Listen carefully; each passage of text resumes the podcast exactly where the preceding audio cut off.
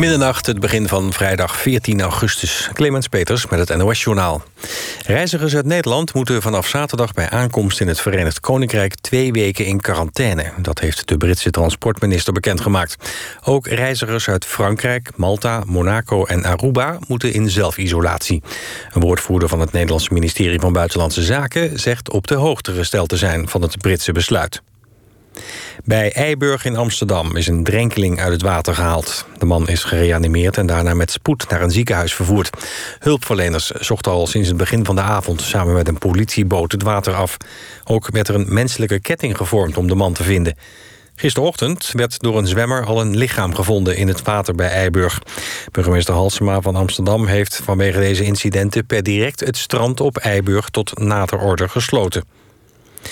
In Frankrijk zijn voor de tweede dag op rij meer dan 2500 nieuwe besmettingen geteld. Dat aantal werd voor het laatst gemeld in april, toen het land nog in strikte lockdown was. Ondertussen neemt het aantal mensen dat in Franse ziekenhuizen belandt af. Voor de eerste keer sinds half maart lagen er gisteren minder dan 5000 coronapatiënten in het ziekenhuis. En dat komt waarschijnlijk omdat, net als in Nederland, over het algemeen jongeren positief getest worden. De Duitse voetbalclub RB Leipzig heeft zich door een 2-1 zege op Atletico Madrid geplaatst voor de halve finales van de Champions League. Vlak voor tijd maakte Adams de winnende treffer voor de Duitsers. In de halve finale is volgende week dinsdag Paris Saint-Germain de tegenstander. Het weer, hier en daar nog regenbuien, soms met onweer. Morgen wisselen zon en wolken elkaar af en dan ontstaan later op de dag weer buien. Met 24 tot 29 graden is het dan nog steeds zomers, maar wel minder warm. Dit was het NOS Journaal. NPO Radio 1. VPRO. Nooit meer slapen.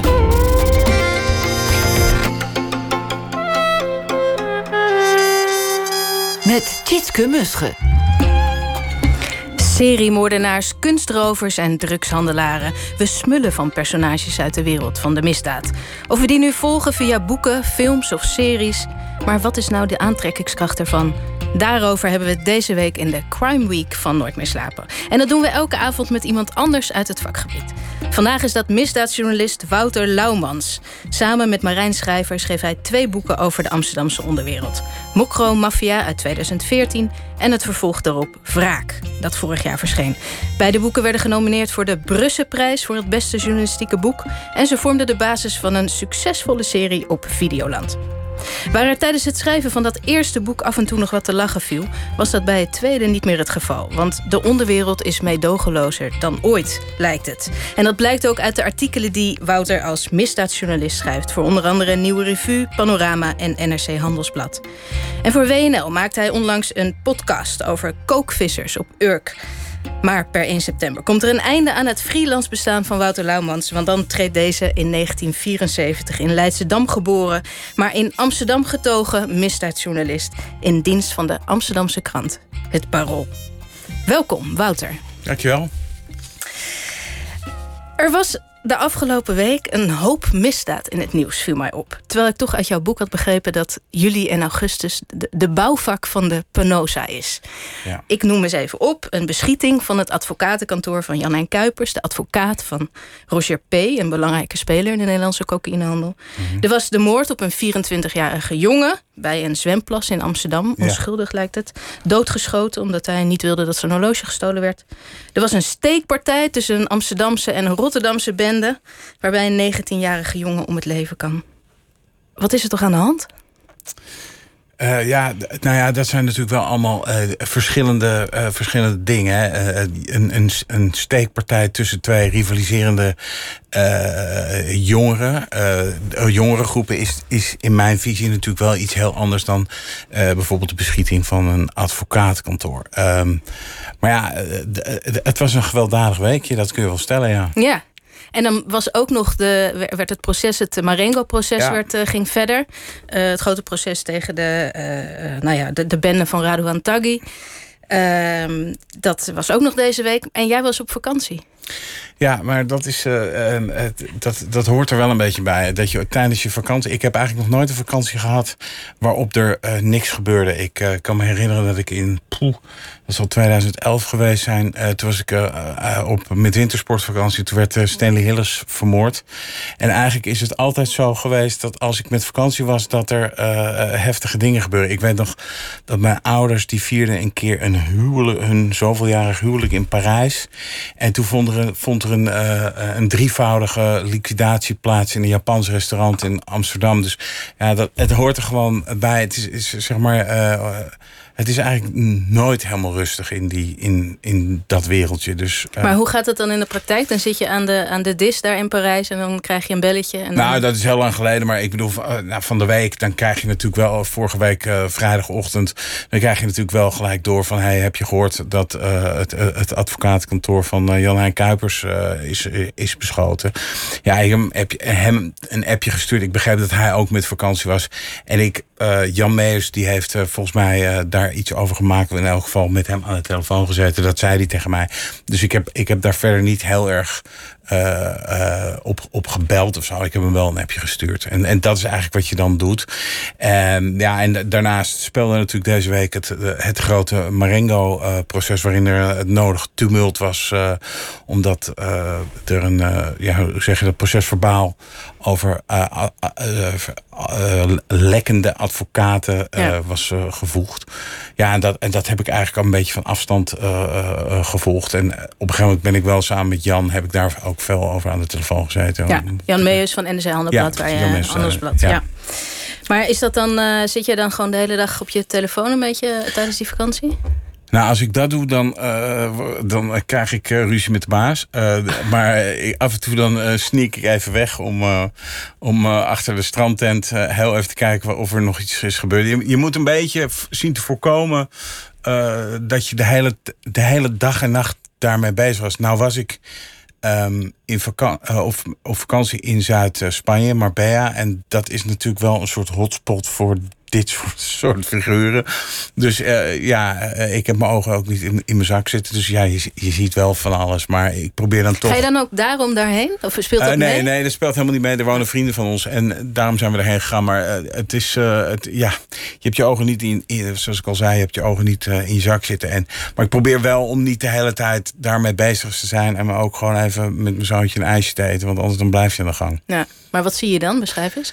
Nou ja, uh, wat ik hoorde, of wat ik zag, is dat. Uh, kijk, de grens met uh, Marokko zit dicht. Ehm, en um, jongens die normaal gesproken met hele dure bolides naar Marokko zouden gaan om daar te gaan feesten in de zomermaanden. Die leken allemaal een beetje gestrand in Marbella. Dus afgelopen zondag was ik daar en toen zag ik ja, hele dure auto's met Nederlands kenteken. zag, zag ik daardoor dat haventje crossen. Ja. ja. dan denk je wel van, oh god, jeetje. Weet je, ze zijn dus nu hier gebleven deze zomer. Ze zag zijn je bekenden? Ik zag wel uh, wat bekenden, ja. En daar heb ik vriendelijk naar gezwaaid. En, uh, sommigen zwaaiden terug en anderen niet. Nee. Dat, ja. ja. Ja, want dat zijn uh, mensen die je waarschijnlijk kent vanuit jouw onderzoek naar de zogeheten mokromafia. Een term die. Uh, ja, gewoon mensen die je kent uit. mensen die je wel eens hebt gezien of die, die mij wel eens hebben gezien. Het gebeurt ook nog wel eens hè, dat ik helemaal geen idee heb wie dat is. En dat iemand me zit aan te kijken van. hey, jij bent toch die en die. En dat ik eigenlijk helemaal niet weet wie dat dan is. Maar dat, dat gebeurt ja.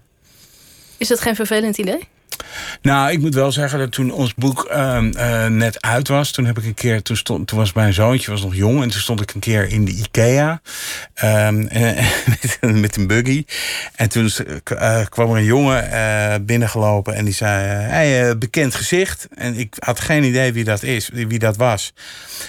Nou ja, prototype, jonge heuptasje, petje. Maar die was ook met zijn vrouw en kind. En toen raakte mijn vrouw met zijn vrouw aan, aan de praten. Dat, dat, en dat haalde eigenlijk de angel uit het gesprek. Dus dat, en ik, weet ook, ik wist ook echt niet wie het nou precies was. Maar hij keek in eerste instantie heel boos. En toen de lift uh, twee verdiepingen hoger was, was dat. Uh, maar dat was wel even dat ik dacht: wow, wat is dit? Weet je wel? Het is een momentje. totale parallelwereld. Hoe bedoel je? Nou, enerzijds dus, uh, heb, je ze, heb je ze gevolgd en onderzocht voor, die, uh, voor dat boek, Mokka-mafia. Ja. En dan kom je ze gewoon in de IKEA tegen. Nou, ik weet dus niet, ik weet dus niet wie dat was. Okay. Weet je wel? Dus dat heb, weet ik tot op de dag van vandaag. Maar hij, was, hij, hij keek heel boos en hij zei bekend gezicht. En dat boek was toen, denk ik, nou, uh, twee maanden uit. Dus ik, eigenlijk heb ik de link gelegd. Ja. Maar het was niet iemand waarvan ik dacht, oh, dat ben jij dan, weet je wel? Ja. Dus misschien als hij luistert, moet hij nu heel hard lachen. Dat, ja. dat was ik, maar... Ja. Dat boek, Die Mokromafia, 2014. Ja. Um, je hebt onderzoek gedaan naar de Amsterdamse onderwereld. Niet die van Holleder en consorten, maar dus van deze kookhandel... die gerund wordt door piepjonge gastjes vaak, van rond de 20. Uh, schets even kort, hoe zit dat in elkaar? Die kookhandel? Ja, en waar, waar Mokromafia over ging. Nou, in 2000, uh, eind 2012 is er een uh, dubbele liquidatie geweest in de, in de staatsliedenbuurt uh, in Amsterdam. Daarbij waren, werd met heel veel geweld met Kalashnikovs in de rond geschoten. En er zijn toen twee eigenlijk ja, twintigers afgeslacht in die buurt. En ja, er was zo enorm geschoten. En ik werkte destijds bij Nieuwe Revue. En samen met mijn collega Marijn Schrijver hadden wij zoiets. Wie zijn dan deze jongens? En waarom, waarom, waarom is dit? Dit was zo'n explosie van geweld. Uh, en wij waren eigenlijk gefascineerd daardoor van wie, wie zijn dan deze jongens en waarom doen ze dit? En uh, toen zijn we eigenlijk uh, dit verhaal gaan volgen. en wij hadden eigenlijk het idee van nou, we zien wel waar het, waar het schip strandt.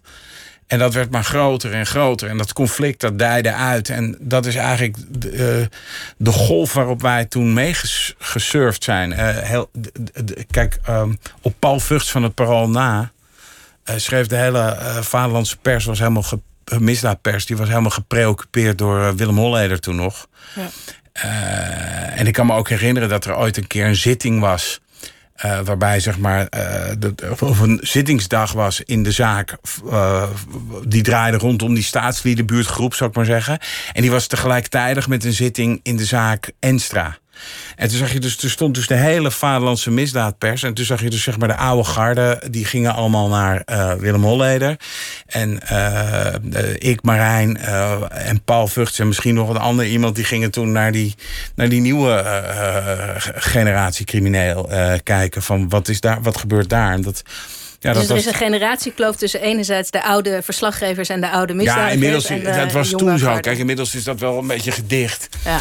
Uh, nu, nu is iedereen, is het uh, uh, tachi voor, tachi na. Maar dat was toen, was dat ja, jonge, veelal Marokkaanse criminelen. Dat, was, dat was, werd toen door veel van mijn collega's vonden dat absoluut niet boeiend. En jij had meteen door, hier zit iets groots. Nou, nee, ik was gewoon. Kijk, ik, ik, ik, was altijd, ik ben altijd gefascineerd. Vroeger was, had ik dat al. Um, door een soort. Als er een soort parallelle. Um, uh, de, als je jongens zag staan in Amsterdam vroeger bij de botsautootjes. Daar gingen allemaal verhalen over. Daar zei ze, ja, dat is die jongen en die heeft dat gedaan. En, en dat vond ik altijd heel fascinerend. Van wie, wie zijn dan die gasten? En dat, dat gevoel had ik ook bij deze jongens. Van oké, dit zijn jonge jongens. Die rijden een hele dure auto. Die hebben een hele dure... Uh, alles, weet je wel, heel veel, lijken over heel veel geld te beschikken. En ze deinzen niet terug voor extreem geweld. En dat was dus toen een, een dubbele liquidatie. En, en een jongen die nou, nog voor zijn 22e werd geliquideerd. Uh, en dat, dat fascineerde mij en Marijn Schrijver. Omdat je wat je uh, zag, normaal gesproken maakt iemand een soort carrière door, een soort criminele carrière. En uh, dus Willem Holleder is ooit begonnen waarschijnlijk als uh, iemand die uh, kraakpanden leegsloeg. Uh, vervolgens heeft hij een overval gepleegd. En daarna is hij die Heineken ontvoerder geworden. En steeds. Snap je? En deze jongens die lijken zo'n zo'n carrière in een soort no time door te maken. En dat fascineerde ons. Wij dachten van hoe kan het nou dat het allemaal zo snel gaat en zo gewelddadig is en waar, hoe komt dat? En dat is eigenlijk wat ons fascineerde en waarom we dit zijn gaan uitzoeken. Zeg maar. En hoe pak je dat dan aan? Ja, kijk, um, dat, dat een deel is gewoon dat je gaat praten met uh, bijvoorbeeld uh, mensen binnen de opsporing of advocatuur. Uh, en een ander deel is, dat noemen Marijn en ik altijd de Wikipedia van de straat. Dat je probeert van de straat zoveel mogelijk verhalen te halen. En dat je elke keer raap je daar een puzzelstukje wat je. En dat is echt, dat zijn snippers informatie die je allemaal bij elkaar probeert te leggen met de rest van de informatie die je hebt. Om zo'n soort, oh, zo'n soort totaalbeeld uh, te schetsen van wat er dan aan de hand is. En maar die, en Zo'n zo Wikipedia van de straat, die, de, hoe krijg je dat bij elkaar? Een beetje rondhangen daar. Ja, dat is eigenlijk gewoon uh, uh, contact leggen, vertrouwen winnen en, en dan praten. En het is vaak zo dat als, je niet, als je niet voor de korte klap gaat, maar voor de lange bestendige relatie, haal je daar, en dat is met alle bronnen zo, haal je daar uiteindelijk veel meer uit. Dus, en dat hebben wij toen ook gedaan. Dus wij zijn, geloof ik, begin 2013 zijn we eigenlijk echt begonnen met ons onderzoek. En ons boek is oktober 2014 uit. Dus het is echt wel een jaar dat we daar volledig mee bezig zijn geweest. Om dat, om dat een beetje naar voren te halen. En ergens is dat boek. Moet maar even is ook een beetje een kaleidoscopisch boek geworden. Dat is eigenlijk een heel raar boek, want het is niet een verhaal van A tot B. Het is meer een soort, hoe zeg je dat, sfeerschets van een uh, milieu. En we hebben er wel een, verhaal in uh, gebracht. Het is een soort coming-of-age verhaal in de, in de onderwereld geworden. Ja. Maar dat is, uh, ons tweede boek is veel meer een verhaal van met een begin, een midden en een eind, zou ik zeggen. Het was niet de bedoeling hè, dat er een tweede boek zou komen. Nee, we waren er eigenlijk klaar mee. Mm. Uh, ook omdat het gewoon. Uh, uh, wij dachten eh, dat met de moord op uh, Gwyneth Marta in 2014 in Amster, Amstelveen. Dat was een van de, de topstukken van een, van, van de, de. Daar hadden wij zoiets van: nou, dat is, dat is, nu is het afgelopen, het verhaal. Weet je wel, nu is hij is dood en er zal wel een nieuwe koning komen. maar ja, het is nu wel afgelopen. En daar we hadden, zaten we er falikant naast. Want eigenlijk was dat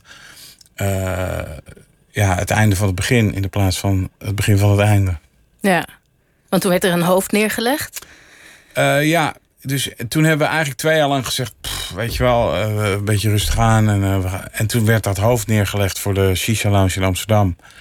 En toen stonden Marijn en ik daar die ochtend. wij kenden die Shisha Lounge natuurlijk ook. Dat was het, de hangout van, van, van een van die groepen. Die met elkaar in conflict waren.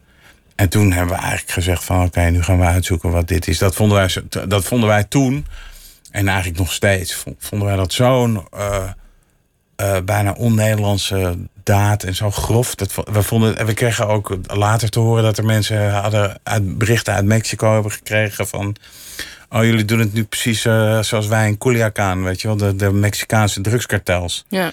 En het was eigenlijk een soort teken aan de wand. Dat, en er was, er was natuurlijk die geweldspiraal ging ook, uh, ging ook keihard naar beneden. Er was toen ook al uh, een moeder voor de ogen van de kinderen doodgeschoten in Amstelveen. Uh, en, en, dat, en wij dachten dus van nou, dit is wel ongeveer het dieptepunt. En ook, ook daar zaten we ernaast. Want daarnaast zijn er nog heel veel dieptepunten geweest. Ja.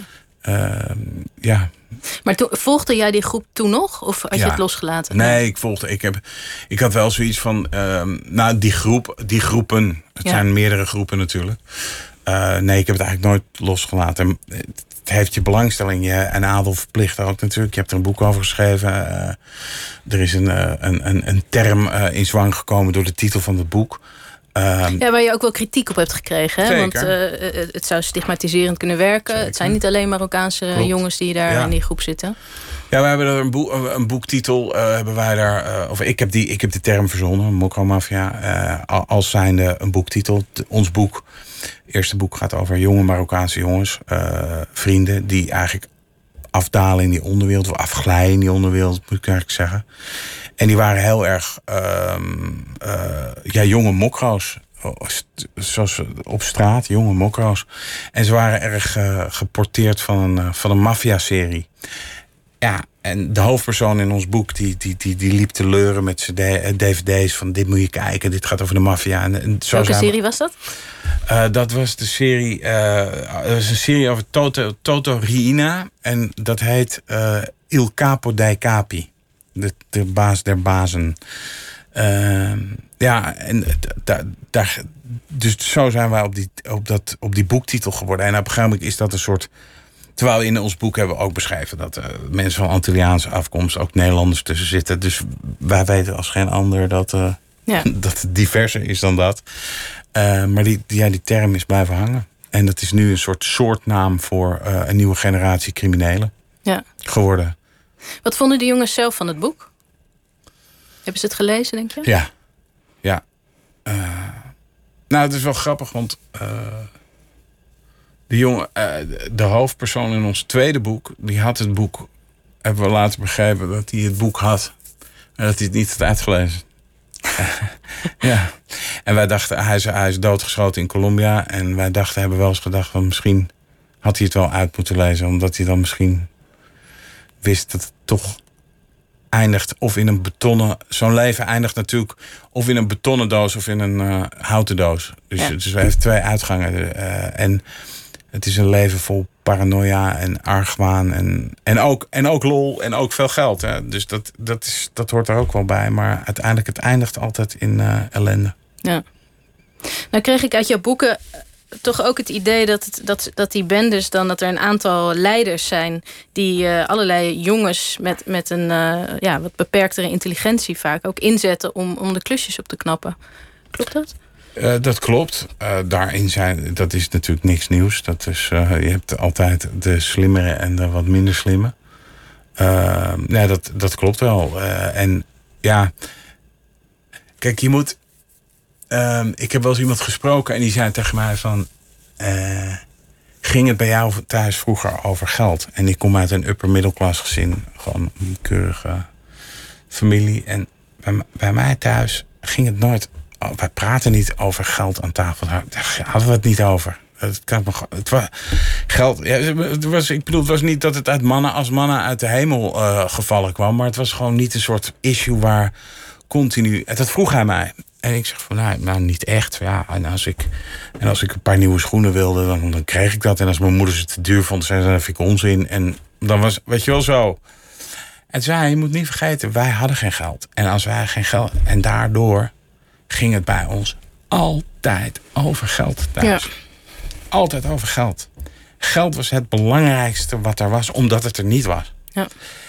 Uh, en toen dacht ik, ja, daar zit eigenlijk wel wat in. En toen zei hij, ja, en zonder geld sta je buitenspel. En buitenspel staan is buitenspel leven.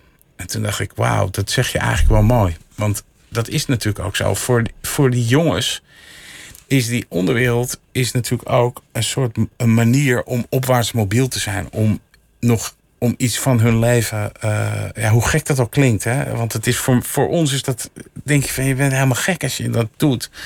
Maar voor hun is dat dus een, wel iets waarvan, waarvan. Een keuze die zij overwegen. In sommige buurten in Nederland. En ik bedoel, ik zeg niet dat het hier zo erg is als in, in sommige buurten in Frankrijk of, of Amerika. Maar in sommige buurten, als je niet geboren wordt met een uh, gouden rechterpoot, zodat je heel goed kan voetballen. Uh, en je bent niet de allerslimste. En weet je wel dan, heb je, dan ben je eigenlijk wel voorbestemd voor uh, een leven in de marge. Uh, en een van die jongens, Marijn Schrijver en ik geven, gaven ook wel eens lezingen op middelbare scholen, op, op, op moeilijke middelbare scholen, of ja, hoe zeg je dat? De scholen met veel probleemkinderen in Amsterdam. En toen kwam er een keer zo'n jongetje, die kwam naar me toe en die zei: Maar meester, ze noem je dan meester, en zei: Maar meester, u weet toch ook dat ik gewoon helemaal niks word later? En toen dacht ik, wauw, als je dat al denkt als je een jaar of dertien bent, dat is niet goed. Maar hoe kan dat? Dan gaat er toch iets ook ontzettend mis in, in het onderwijs of in de begeleiding in zo'n buurt. Ik bedoel, we staan als Nederland toch uh, niet bekend als een land dat uh, iedereen maar laat nee, zitten. In nee, maar dat, dat, zeker niet. En ik ben ook, ik ben ook echt wel van de, van de school uh, van, nou, luister, er is geen land ter wereld waar je zoveel kansen krijgt uh, als Nederland. Dus dat, dat ik bedoel, uh, hè, als je in uh, Amerika geboren wordt, dan kun je het helemaal shaken. dan heb je ook wel uitzonderingen natuurlijk. Maar ja. dus. En, en laat staan Bangladesh of weet ik veel wat voor andere landen je hebt. Maar ik vond het, ik vond het zo'n type, typerende opmerking. Omdat die jongen die zei zo van ja, weet je wel, bij ons ging het. Dus toen, er, toen, ik, toen ik met criminele dingen geld ging verdienen had ik gewoon eigenlijk het grootste probleem van mijn familie opgelost. Namelijk, er was geld. Dus ja, en dat het allemaal niet moreel niet deugt, ja, dat is uh, punt twee. Ja. En toen dacht ik, ja, en zo werkt het natuurlijk ook in, een, in zo'n buurt. En, en dat is de aantrekkingskracht ervan. Want je lost gewoon het, je lost gewoon het moeilijke probleem op. En ja, dat je dat doet met handel in drugs. Ja, En dat vond ik wel toen een soort nieuw inzicht, snap je? Dat je Ja. denkt van ja, dat, je kan wel heel. En, en dat hadden we ook wel met, eh, met die lezingen op die scholen. Kijk, je begint zo'n lezing zo vaak. Jongens, ja, misdaad loont niet. Dat zei die leraar zei dat toen een keer. Die zei van ja, ik heb het ook wel eens een keer. Die moest lachen toen wij zo, zo afsloten. Van, eh, begonnen of afsloten, ik weet het niet meer precies. Zo van ja, dus misdaad loont niet. Zei, ja, dat heb ik ook een keer gezegd. En trok een jongen eh, van een jaar of 16, die trok 30.000 euro eh, uit zijn zak. En die zei: Hoe lang moet u hier dan voor werken? Wat loont niet? Loont wel. Dus, en je moet die gasten ook geen onzin verkopen. Hè? Dus ze weten ook gewoon. Het is, het, en toen dacht ik, ja, zo is het ook. Uiteindelijk, uiteindelijk is het ellende. Maar op de korte termijn los je misschien wel een probleem op waarvan je denkt. Ja, en het is. Ik bedoel, het is als je als je, eh, eh, als, je als eh, vader jarenlang gedroomd hebt van een, van een auto. en je zoon komt opeens en die zegt: Hier, pa, heb je die auto? Die wilde je toch zo graag? Je hebt altijd je rug gebroken in de kippenslachterij. En dan heb je die auto, man. Is het heel, dat is heel moeilijk om dan te zeggen: Die hoef ik niet. Want dat is. Weet Ja. je wel, dat, is- dat is. Ja. En dat geeft die jongens dus ook status, macht, want hij zorgt goed voor zijn familie. Ja, En de meisjes dan? Wat komt daarvan terecht? Die gaan toch vaak eh, studeren en eh, Ja. steeds meer uit die hoek, toch? eh, vaak ook wel. Maar je moet wel, eh, zie- het zijn wel ook hechte familieclans. En eh, kijk, in zo'n familie is ook niet iedereen slecht. Hè? Dat is ook wordt ook wel eens gedacht dat die, eh, in zo'n criminele familie iedereen slecht is. Dat is helemaal niet het geval. Dat is, er zijn ook mensen die, die gewoon in zo'n familie, m- meiden of jongens, die gewoon een carrière in een maatschappelijk, weet je wel, gewoon een goede carrière, die zich, er, die zich daarvan afzijdig houden. Ja. En sommigen ook niet. Dus dat is allemaal best wel arbitrair. De, de werkelijkheid is toch een beetje grijs. Ja, zoals altijd natuurlijk. Ja. Nou, kiezen jullie ervoor om, of dat is heel erg jouw aanpak, hè? Je wil, je wil eh, eh, die criminelen een gezicht geven. Ja. Je, je duikt in hun levens. Ehm het gaat best ver soms. Eh, bijvoorbeeld dat je beschrijft dat een, een jongen op de schoot van zijn moeder ligt te huilen als zijn vriend vermoord is. Of ouders die beschrijven hoe leuk hun, hun, hun jongen toch was toen die, hoe schattig die was in groep 8 tijdens de, Ja. de musical. Ehm, ho- hoe kom je aan al die informatie? Dat is het geheim van de smid natuurlijk. Ehm, eh, door heel veel te praten met mensen. Heel veel eh, ver- ver- ver- vertrouwen te winnen. Eh, Maar wat is hun eraan gelegen om dat allemaal aan jou te vertellen? Omdat mensen het belangrijk vinden dat. ik probeer van iedereen een mens in, onze, in, in onze boeken proberen. En eigenlijk ook in mijn verhalen. Probeer ik van iedereen een mens te maken. En dan wordt het moeilijker. Snap je? Eh Ridwan Taghi is een mens. Als je de lijn van justitie volgt, is het gewoon. Kijk, justitie is ervoor, of het OM, Openbaar Ministerie, is, gaat in de rechtszaal zeggen wat jij of wat iemand allemaal heeft misdaan. Dus eigenlijk wat voor monster iemand is. Ja. Dat is één kant van. Dat is misschien allemaal waar. Daar moet de rechter over oordelen. Dat is allemaal waar. Maar iemand heeft ook nog een andere kant. En eh, ik probeer altijd wel die kanten te laten zien. Van, eh, meerdere kanten van iemand. Eh, en de ene keer lukt dat beter dan de andere keer. Maar ik denk, het zijn wel allemaal mensen. En, ook, en, en mensen, mensen doen mon- monsterlijke dingen. Soms. Maar als je ze. Als je, ik probeer. Kijk, je hebt. ik vind dat het verschil tussen verslaggeving en journalistiek. Verslaggeving is: oké, dit is er gebeurd. En dan een grosso modo een beetje een conflict en eh, nou klaar. En als, als journalist wil je toch uitleggen waarom dingen gebeuren. Waarom gebeurt dat? Ja. En dan zul je toch echt ook een beetje in de psyche van, van degene over wie je schrijft moeten duiken. Tenminste, dat, zie- zo Ja. zie ik dat. Ja. Ik bedoel, eh, eh, het boek over de Heineken-ontvoering van, van Peter R. de Vries... liet wel duidelijk zien eh, uit wat voor milieus die jongens kwamen... en wat hun drijfveren waren. Dat vind, Ja. ik, vind ik een soort... Ja, of het boek van over eh, Klaas Bruinsma, eh, wat Bart Middelburg ooit heeft geschreven. Dat je dus snapt. het is heel makkelijk om een, om een requisitor van het OM over te tikken. Van nou ja, dit is waar hij allemaal beschuldigd is. Maar je moet toch een beetje proberen iemand een gezicht te geven. Omdat dat ook voor een lezer. hoe zeg je dat? Dat dingen misschien begrijpelijker worden voor een lezer. Ja. Maar er was wel op een gegeven moment in je laatste boek, Wraak, dacht ik van. Uh, Oké, dan heb ik een heel boek gelezen over uh, de meest vreselijke liquidaties. En, en, en doordat je het uh, deels um, laat je de berichten zien die ze elkaar gestuurd hebben. Ja. Nou, die liegen er niet om. Het is echt meedogenloos. En dan op het eind valt het vonnis. En dan uh, krijgt uh, de hoofdpersoon of, of de, de leider van de groep, uh, Omar L, krijgt levenslang geëist. Mm. En dan schrijf je, ja, jeetje. Die, die, als hij geluk heeft, komt hij dan misschien toch nog over 30 jaar vrij of zo. Ja. Dan is hij in de 40. Wat heeft zo'n jongen dan voor leven gehad? En daar klinkt toch een soort ja, sympathie. Empathie. Ja, ja. Sympathie is wat anders. Ja. Ik verafschuw alle, alle daden. altijd. Ehm, maar volgens mij is het is, ook dat is een jong en verwoest leven. Uh, en ik weet niet wat ik liever zou hebben. Ik denk dat ik liever dood zou zijn dan dat ik levenslang zou hebben. En dat is echt afgrijzelijk. De gedachte dat je de rest van je dagen in een, uh, in een cel slijt, dat lijkt mij onverdraaglijk. Maar dat is, dat is een En uh, dat je dus denkt van ja joh, weet je wel, waarom... Nou, ik, ik, vind, ik. En met empathie is niks mis, denk ik. Maar vind je de straffen te hoog die ze nee. gekregen hebben? Nee, ik vind, ik, uh, ik vind levenslang wel een hele brute straf. Maar dat is wat er uh, op dit soort misdaden staat. Dat weet die jongen ook. Maar dan nog is het uh, tragisch om te bedenken dat een leven zo gegaan is. Ja. Toch? Ja. Of, of vind, je dat, dat, vind je dat heel raar? Dat ik die, nee, vind ik niet. Het, maar is, een, het, is, wel, het is een soort op, opsomming van kapotte levens. Op alle, op alle fronten, op alle vlakken. Ja. Uh, de hoofdpersoon in dat boek die heeft uh, begin dit jaar een uitbraakpoging gedaan in, uh, in de gevangenis in volgens mij Krimp aan de IJssel. Als ik het verkeerd zeg, dan is dat, dan weet ik, ik dat kan. hij heeft een uitbraakpoging gedaan, laat ik het zo zeggen. Ik heb dat nu even niet het is laat. Het is al laat, nooit meer slapen. nee, maar en ja, en dan denk je, ja, ik, dit, wat, wat moet je ook anders? Dat denk ik dan. Weet je, ja, wat moet zo'n jongen anders? Want dit is het enige. Ja. Ik bedoel, ik praat het niet goed en er is godzijdank niemand bij gewond geraakt. Maar ja, ja.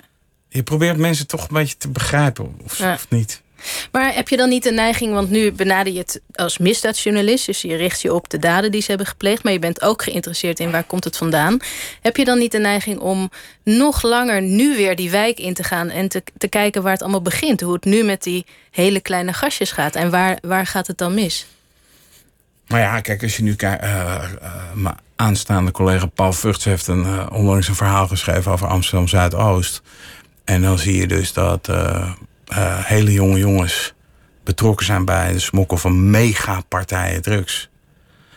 Uh, dat je echt denkt, 6000 kilo kook. En de jongens van tieners soms, begin twintig dat zijn hoeveelheden, dat, is, dat baart wel echt zorgen, snap je? Dat is heel zorgelijk als dat soort jonge jongens zich met dat soort. Ja. Bedoel, maar moet is... jij dan niet nu die wijk in en, en uh, zelfs zo op basisscholen gaan kijken van uh, wat zit hier nou? En, ja, en ze nou ja, volgen ik bedoel, en langdurig volgen. Er stond niet zo heel lang geleden een, een stuk in de Volkskrant. Uh, over, over een basisschool of over een middelbare school in Amsterdam Zuidoost. Waar, waar gewoon hij werkelijk. Ja, het was een leerling die had. Um, die werd bedreigd met een liquidatie en dat soort dingen. Dat je denkt, jeetje mina, waar, waar, groeien, waar groeien die mensen op? Dat is ook, ik bedoel, dat is ook mijn plicht. Ja. Uh, en dat ga ik ook doen. Ja. maar ja. Ik ben heel benieuwd. Ja. Laten we luisteren naar een nummer dat je hebt meegenomen. Uh, uh, het nummer heet Rockstar. En dat is van Da Baby en Roddy Rich. Ehm, laten we eerst even luisteren.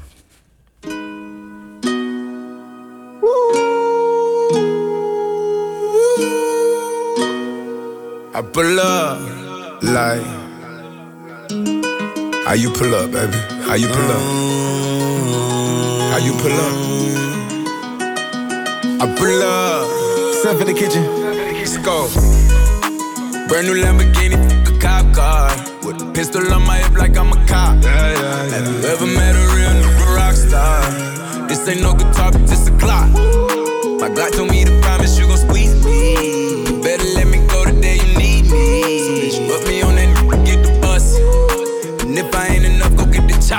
safe to say I earned it, ain't a new. Gave me nothing. I'm ready to hop out on the new. Get the bus. Know you heard me say you play, you late, don't make me push the butt. Full of pain. Dropped enough tears to fill up a fill up a fuck. Going for buckets, I bought a chopper. I got a big drum and hold a hundred. Going for nothing. I'm ready to air it out on all these niggas. I can see I'm running. She talked to my mom, she hit me on FaceTime just to check up on me and my brother. I'm really the baby. She know that the youngest son was always guaranteed to get the money. Okay, let's go. She know that the baby boy was always guaranteed to get the loot. She know what I do. She know if I run from it, I'ma pull it out, shoot. PTSD. I'm always waking up in cold sweats like I got the flu. My daughter a G. She saw me killing it in front of her before the age of two. And I'd kill another nigga too. Before I let another nigga do something to you. Long as you know that, don't let nobody tell you different, daddy love you. Let's go. Brand new Lamborghini, a cop car. With a pistol on my hip like I'm a cop. Have you ever met a real nigga rock star? This ain't no guitar, but this a Glock. My Glock told me to promise you gon' squeeze me.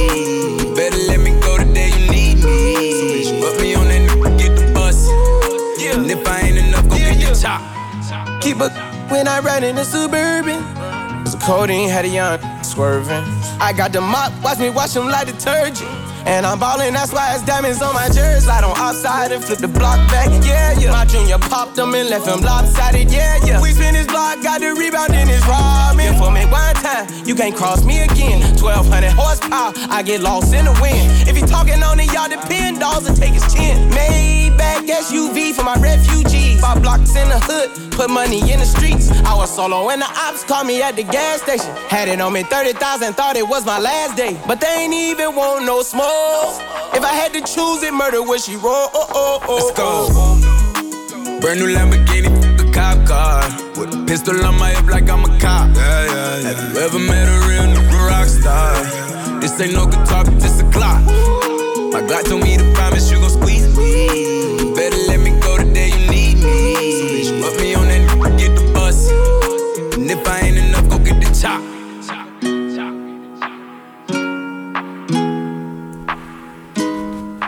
Ja, Rockstar was dat. Da Baby en Roddy Rich. Eh, waarom heb je dit gekozen? Ik hou heel erg van hip-hop. Eh, eigenlijk altijd al. Eh, vanaf dat ik een jaar of tien was. Waarom? Ja, het is een beetje mijn, het is mijn muziek.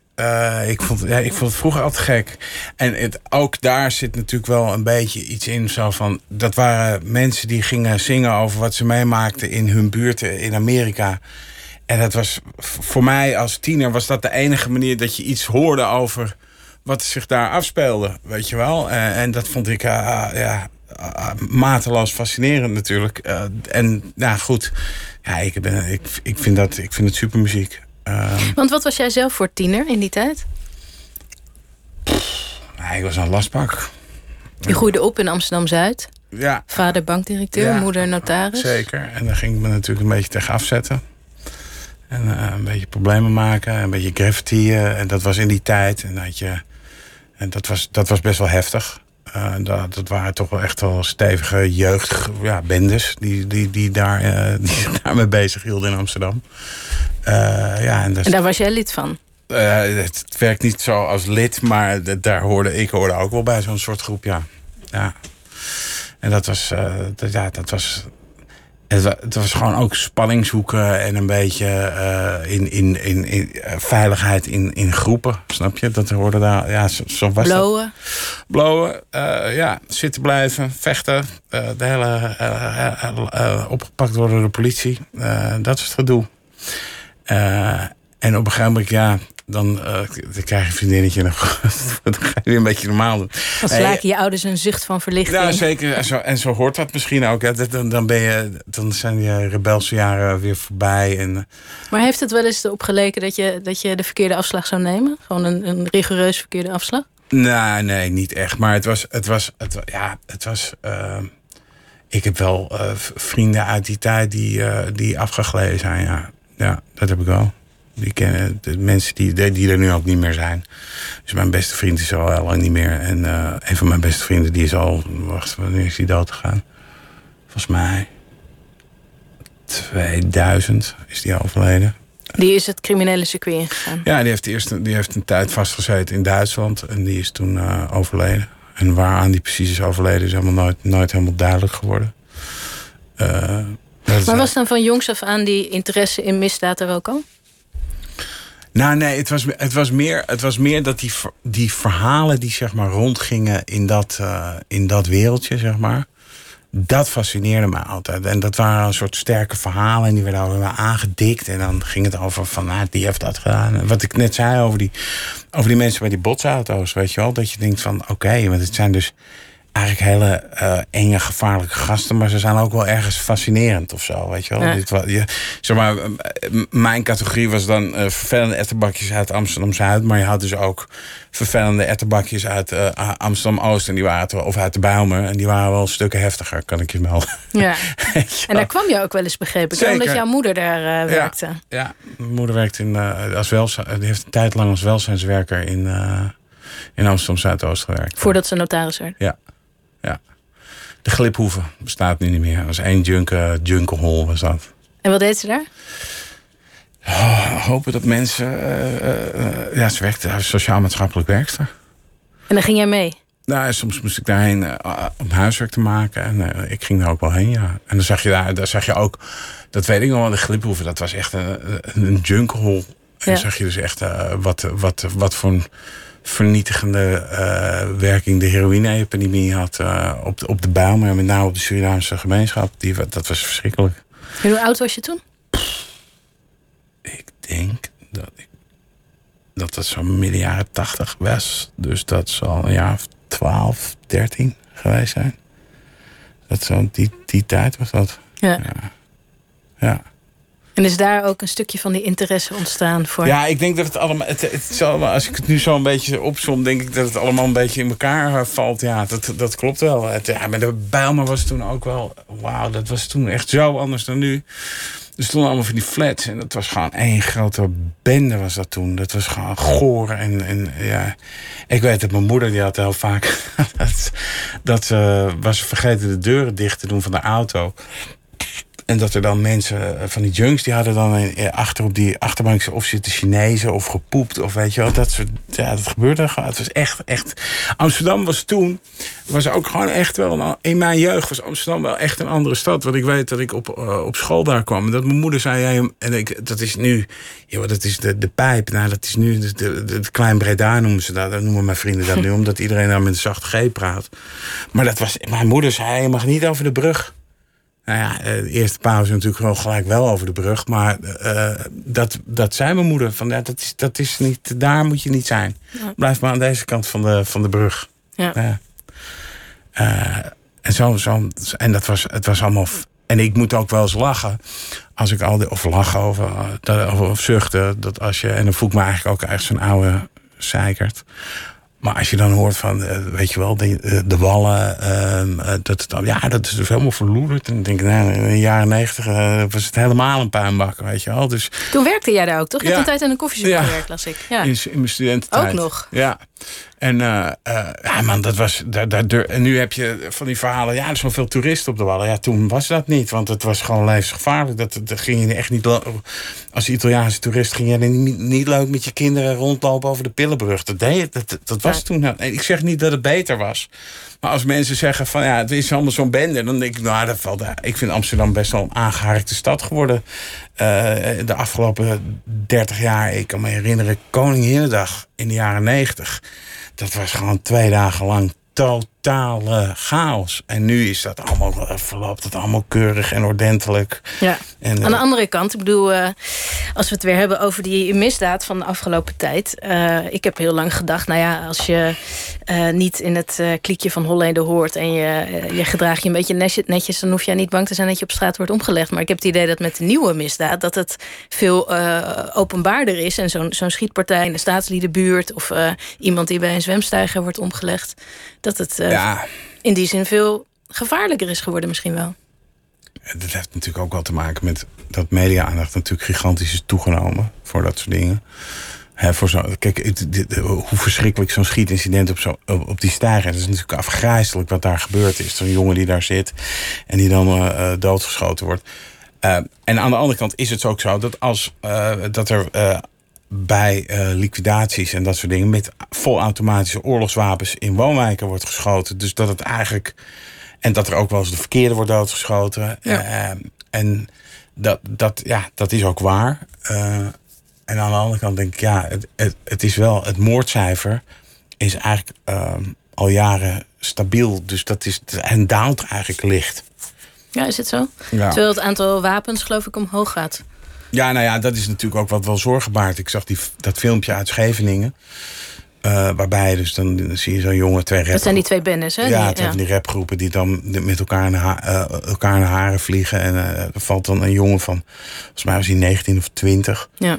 Die, die, die is dan, en waarvan ik, van ik dan denk, wat jong om zo aan je einde te komen. Wat een, voor die onzin, weet je Ja. wel, dat denk ik dan. Ehm, maar dan zag ik dus ook een jongen rondrennen met een wapen. Dat ik echt denk, wow, weet je wel. Dat is levensgevaarlijk, man, bij een volle stand. Wat haal je in je hoofd? Dat denk ik dan wel. ja. Maar Waarom hoe kan dat? Hoe, hoe hebben ze die toegang daartoe? Waarom is dat makkelijker geworden? Ja, waarom dat makkelijker is geworden, is een goede vraag. Ik, ik denk dat er gewoon. eh, er is een tijd lang zijn er veel wapens uit het voormalige Oostblok Nederland ingekomen. En eh, daar wordt in gehandeld. En die zijn te koop. En eh, ik denk dat ook jongens, sommige jongens zich een, soort status aanmeten door met een wapen te gaan rondlopen. Eh, dat het gangster is. Kijk, gangster is ook ergens het nieuwe punk. Eh, en dat, ja, dat klinkt.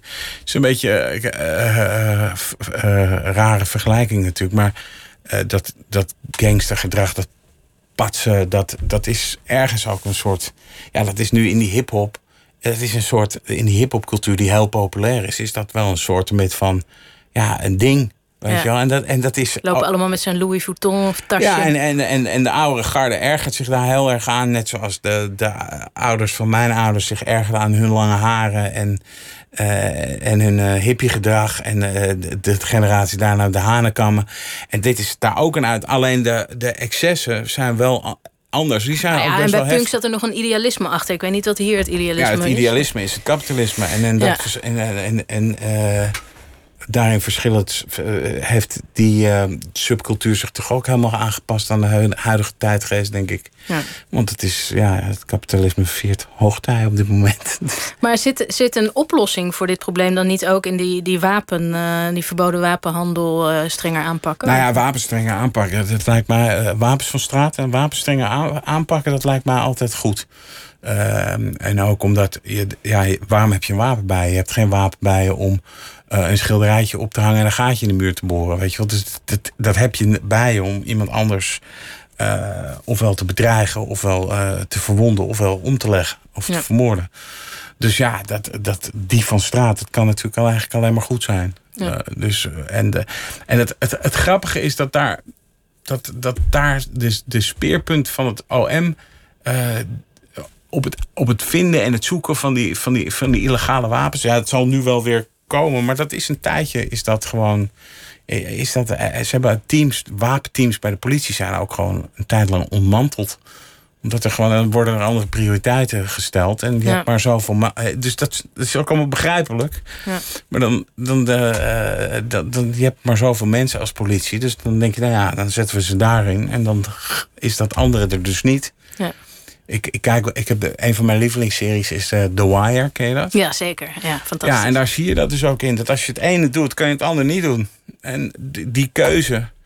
Ja, dat is, Ja. Een, het is een duivels dilemma natuurlijk voor, voor bestuurders, of, maar ook voor, voor de rechterlijke macht of voor, voor het Openbaar Ministerie. Van, ja, wat pakken we aan, wat niet? Ja. Nu is ondermijning een heel groot thema. Ja, dan is, als, als we focussen op ondermijning, dan is een ander thema raakt ondergesneld. Want je Ja. hebt niet oneindige eh, mensen die dat allemaal maar kunnen doen. Nee. Nou ja, en ondermijning eh, is nogal een eh, Goed trainerbegrip. Ja. containerbegrip, maar ook nogal lastig om aan te pakken. Daar heb je wel wat mankracht voor nodig, denk ik. Eh, ja, het, ja, maar tegenwoordig is alles ondermijning. Ja.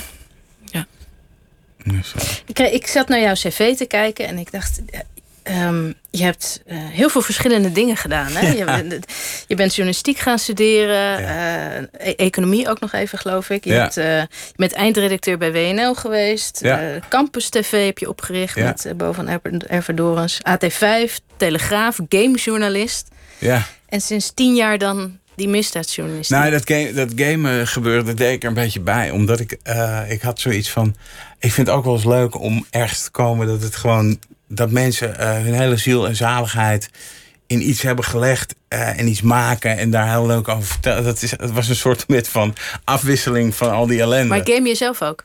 Nee, niet, niet, maar ik vond die industrie heel fascinerend, omdat die grote niet meer. Ik heb natuurlijk wel uh, dat wel gedaan, maar uh, en vroeger helemaal. maar ik vond gewoon die industrie, omdat het een creatieve industrie is. En ik begreep op een gegeven moment van. van een oud klasgenoot van me die in die game-industrie zei: Man, dit is veel groter dan Hollywood. En toen dacht Hé, hoe kan het nou? Dat had ik me helemaal niet zo gerealiseerd. En toen heb ik even, denk ik, twee jaar heb ik me daarin verdiept. En ik vond het wel leuk. Ik ben toen ook veel in LA geweest bij die gamebedrijven. En eh, dat is echt wel een fascinerende wereld. Ook als je, en dat willen ze zelf nooit, maar als je gaat uitzoeken hoeveel geld er achter zo'n game zit en hoeveel hoe ingewikkeld dat is, dan, dan denk je toch wel van wow, dat is een soort economie, uh, die, die, een soort nieuwe entertainment-industrie was dat.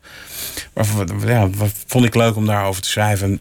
En, daarbij deed ik natuurlijk ook gewoon uh, uh, de BV Dood en Verderf en ellende. Ja. Maar ik vond het wel een soort frisse afwisseling. Dat je dacht, nou, dus ook vinden mensen het leuk als je ze belt. Ja. Maar ik las ook ergens dat jij in eerste instantie graag buitenland correspondent bij NRC wilde worden. Ja, toen ik op de school van journalistiek zat, eh, toen vroegen ze een keer van uh, wat wil je laten worden? En toen dacht ik, nou laat ik maar eens hoog inzetten. Toen heb ik volgens mij gezegd Afrika-correspondent voor NRC Handelsblad. En toen zeiden ze op die, zeiden ze, ja, dat lukt je nooit. Uh, daar hebben ze wel gelijk in gekregen. Maar, uh, dat was geen reden voor jou om nog harder je best te doen en te denken. Nee, nou, ik, vond het, ik vond het toen op die school van journalistiek. dacht ik van wat is dat nou voor een instelling? Als iemand dat, als iemand dat zegt, dan jaag je dat toch juist toe in de plaats van dat je zegt, nou ja, nou ja, je wordt hooguit redacteur bij de Amersfoort Courant. Toen dacht ik, nou Wat zeiden ze? Nou, zoiets. Iets, hmm. in, die, iets in die trant. Uh, en ja, ik dacht, nou, het is toch wel jammer eigenlijk dat je dat bij zo'n student dat er de ambitie er gelijk maar uitgeestelt in het eerste jaar. Ja, maar goed, je kunt ook zeggen dat heb je ook wel makkelijk laten gebeuren dan. Uh, zeker. Ja, misschien is dat ook wel zo. Of misschien ook niet. Want uiteindelijk schrijf ik wel voor het NRC. Dan niet over Precies. Afrika. Maar, ja. maar uh, dus sinds tien jaar die misdaadjournalistiek. Heb je hier je plek gevonden? Um, ja, maar ik sluit niet uit dat ik gewoon uh, weer wat anders ga doen hoor. Dat, nee? Nee. Ja, kijk, ik heb. Oh, ik, um, in die misdaad gaat het natuurlijk eigenlijk maar om drie dingen: geld, geld en geld. Snap je? En dat is op een gegeven moment uh, mensen die elkaar verschrikkelijke dingen aandoen voor uh, omwille van geld of raak. Of, en op een gegeven moment is zo'n verhaal denk ik ook misschien wel verteld. En of moet je een andere invalshoek gaan kiezen of een andere soort. Weet je wel, iets waar een andere uh, dynamiek in zit of zo. omdat je, ja, dat lijkt me fris, verfrissend. ik, ik, vond, ik vond het heel leuk om die podcast te maken voor Omroep WNL, Kookvissers. Dat vond ik echt te gek, omdat je daar. Um, je dook eigenlijk een soort nieuwe wereld in.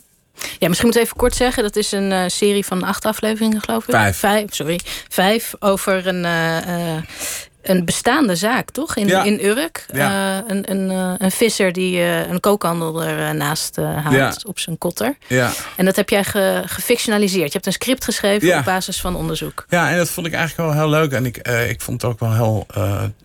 bij WNL was het ook echt zo van... dat vinden wij ook leuk. Dat zoiets, weet je wel. Dat ze een soort... En bij de NPO hadden ze ook zoiets van... nee, dat is een soort fris idee om eens te kijken van kun je nou een verhaal wat echt gebeurd is in een soort vorm gieten, waardoor het heel interessant is om te, om te luisteren. Nou, sommige mensen vinden ik er heel goed in geslaagd ben. Anderen zeggen, maar ik vind de vorm staat me niet zo aan of het acteerwerk. Het is een beetje hoorspelachtig ding. Ja. Uh, ik, ik vind hoorspel een heel moeilijk woord. Dus ik, uh, uh, ik noem het liever audiodrama. zo heet het ook tegenwoordig. Ja, ja. maar dat is dan de kritiek van ja, hoorspel, is oudbollig. En ik vind, ik, ik luister het heel graag, zoiets. En ik ik vond het heel leuk om dat, om te proberen. Omdat je, en maar wat het leukste daaraan is, is dat je dus in die visserswereld, in die geschiedenis van dat Urk duikt. En dat je op een gegeven moment snapt van, hij wacht heel even, maar die Urk is eigenlijk nooit zo netjes behandeld door Nederland. Ja. Is altijd een beetje, uh, weet je wel, dus eigenlijk is dat. En daardoor hebben ze, uh, wat bijvoorbeeld uh, kampers, nou, wat we eerder zeiden, buitenspel staan is buitenspel leven. Ja. En daardoor heeft misschien dat ook um, ergens een soort, een soort anti-autoritaire voedingsbodem. Dit zit daar in, dat, in, de, in het DNA van die bewoners. En als ik dat zeg, dan zullen ze waarschijnlijk. Dat is helemaal niet waar, maar dat is. Uh, en, en, en dat zie je dus ook op die. Uh, en dan ga je dus door die geschiedenis van dat Urk heen. En dan zie je op een gegeven moment van. Hey, in de jaren negentig is daar gigantische fraude zijn er gepleegd op de visafslag. Ja, dat is toch ook wel frappant, weet je al. Uh, en toen die podcast uitkwam, toen heb ik uh, uh, vanuit Urk ook wel reacties gehad. Sommige mensen waren woedend en andere mensen die vonden het wel, wel mooi. En toen, twee weken geleden, werd dan de zoon van een wethouder op Urk aangehouden met, met een vrachtwagen vol kook in Engeland. Toen dacht ik zo, weet je wel, het is, dus, ja. het is, is dat dan toch, was het niet een incident? Is het dan toch weer uh, of is het een incident en kijken we ernaar dat we een nieuw incident, terwijl het, weet je wel, ja, dat, ja. ik vond dat wel, wel, wel, fascinerend. Maar ik vond het dus heel leuk om zo'n podcast te maken. Dat, ja. uh, en dat is juist wat anders. Ja.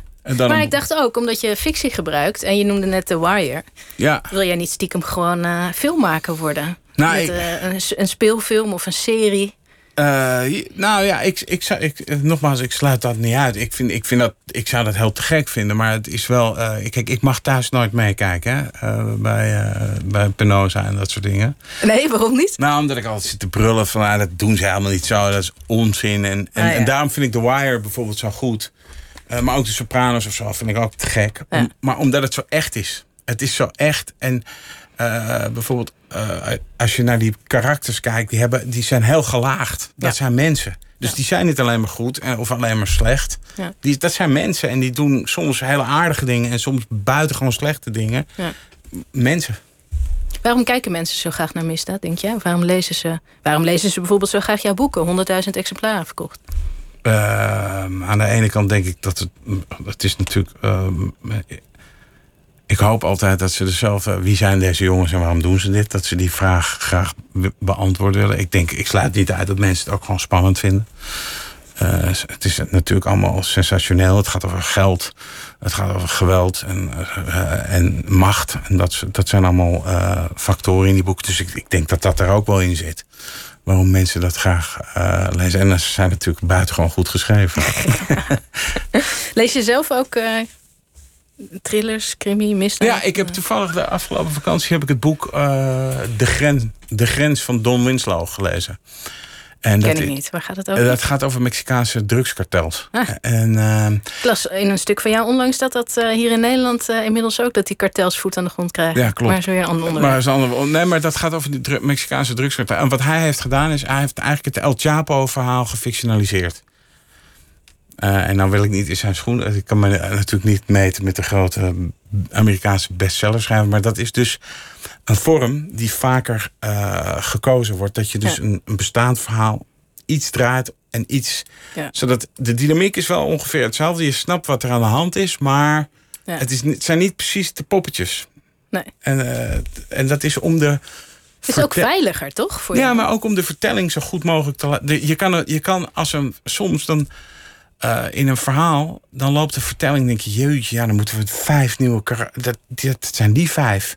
En dan is het voor een lezer al vijf nieuwe namen. Er staan al zoveel namen in. En, en eh, weet je wel, het meeste heet ook niet eh, Piet of Kees. Dus weet je wel, dat is Mhm. voor sommige mensen toch moeilijk. Ja. Ehm, en als je het dus fictionaliseert, kan je dat gewoon in één keer. Dat is één iemand. Weet je niet, dat is makkelijker. Ja. En, en, en dus wordt het begrijpelijker, een verhaal. Ja. Ja, goed. Deel 3 van eh, de Mokromafia, komt dat nog? Nou, ik zeg ook nooit nooit.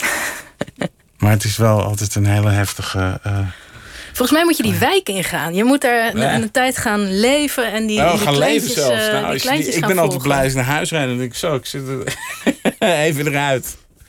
En er dan een, eh, een, een, serie over maken. Ja. Ja, Nee, eerst Ja. maar Sparol hè, vanaf 1 september. ja, daar Ja. verheug ik me erg op. We gaan je lezen. Wouter Laumans, dank je wel. Graag gedaan. Heel veel succes. En eh, eh, we horen van je. Dankjewel.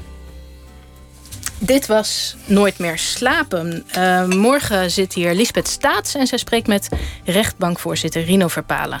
Hij leidde het monsterproces rond Willem Holleder, maar schreef ook ooit mee aan het Baaiensboek. En dat is nog steeds de vraagbaak voor gedetineerden. Dat en meer dus. Morgen. Slaap lekker.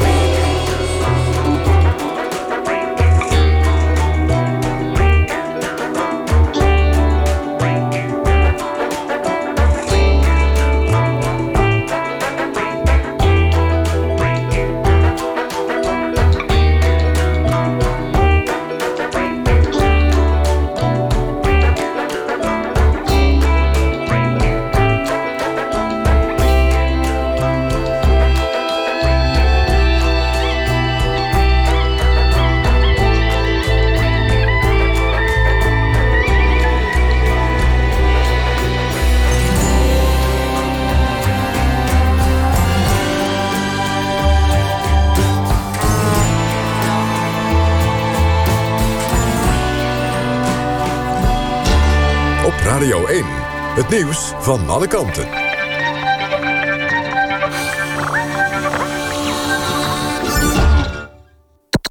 NPO Radio 1. 1 uur Clemens Peters met het NOS-journaal. Door de coronacrisis is het aantal werknemers met een flexibel contract drastisch gedaald. In het tweede kwartaal nam het aantal flexwerkers af met 119.000, meldt het Centraal Bureau voor de Statistiek. Bijna een vijfde van hen werkte in de horeca in de bediening. Ook tienduizenden winkelmedewerkers, chauffeurs en schoonmakers kwamen in de afgelopen maanden thuis te zitten. Het aantal werknemers met een vaste baan nam de afgelopen periode juist iets toe. Reizigers uit Nederland moeten vanaf zaterdag bij aankomst in het Verenigd Koninkrijk twee weken in quarantaine. Dat heeft de Britse transportminister Shaps bekendgemaakt. Ook reizigers uit Frankrijk, Malta, Monaco en Aruba moeten in zelfisolatie.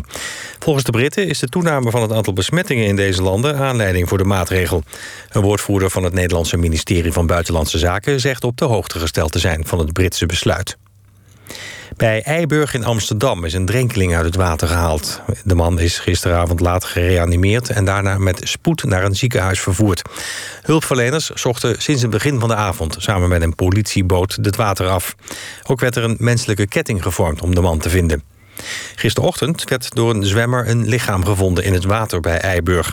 Burgemeester Halsema van Amsterdam heeft vanwege deze incidenten... per direct het strand op Eiburg tot nader order gesloten. De Duitse voetbalclub RB Leipzig heeft zich door een 2-1 zege op Atletico Madrid geplaatst voor de halve finales van de Champions League. Vlak voor tijd maakte Adams de winnende treffer voor de Duitsers. In de halve finale is volgende week dinsdag Paris Saint-Germain de tegenstander. Het weer.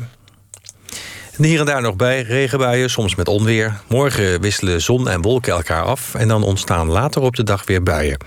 Met 24 tot 29 graden is het dan nog steeds warm, maar ook wel iets minder zomers. Dit was het NOS Journaal.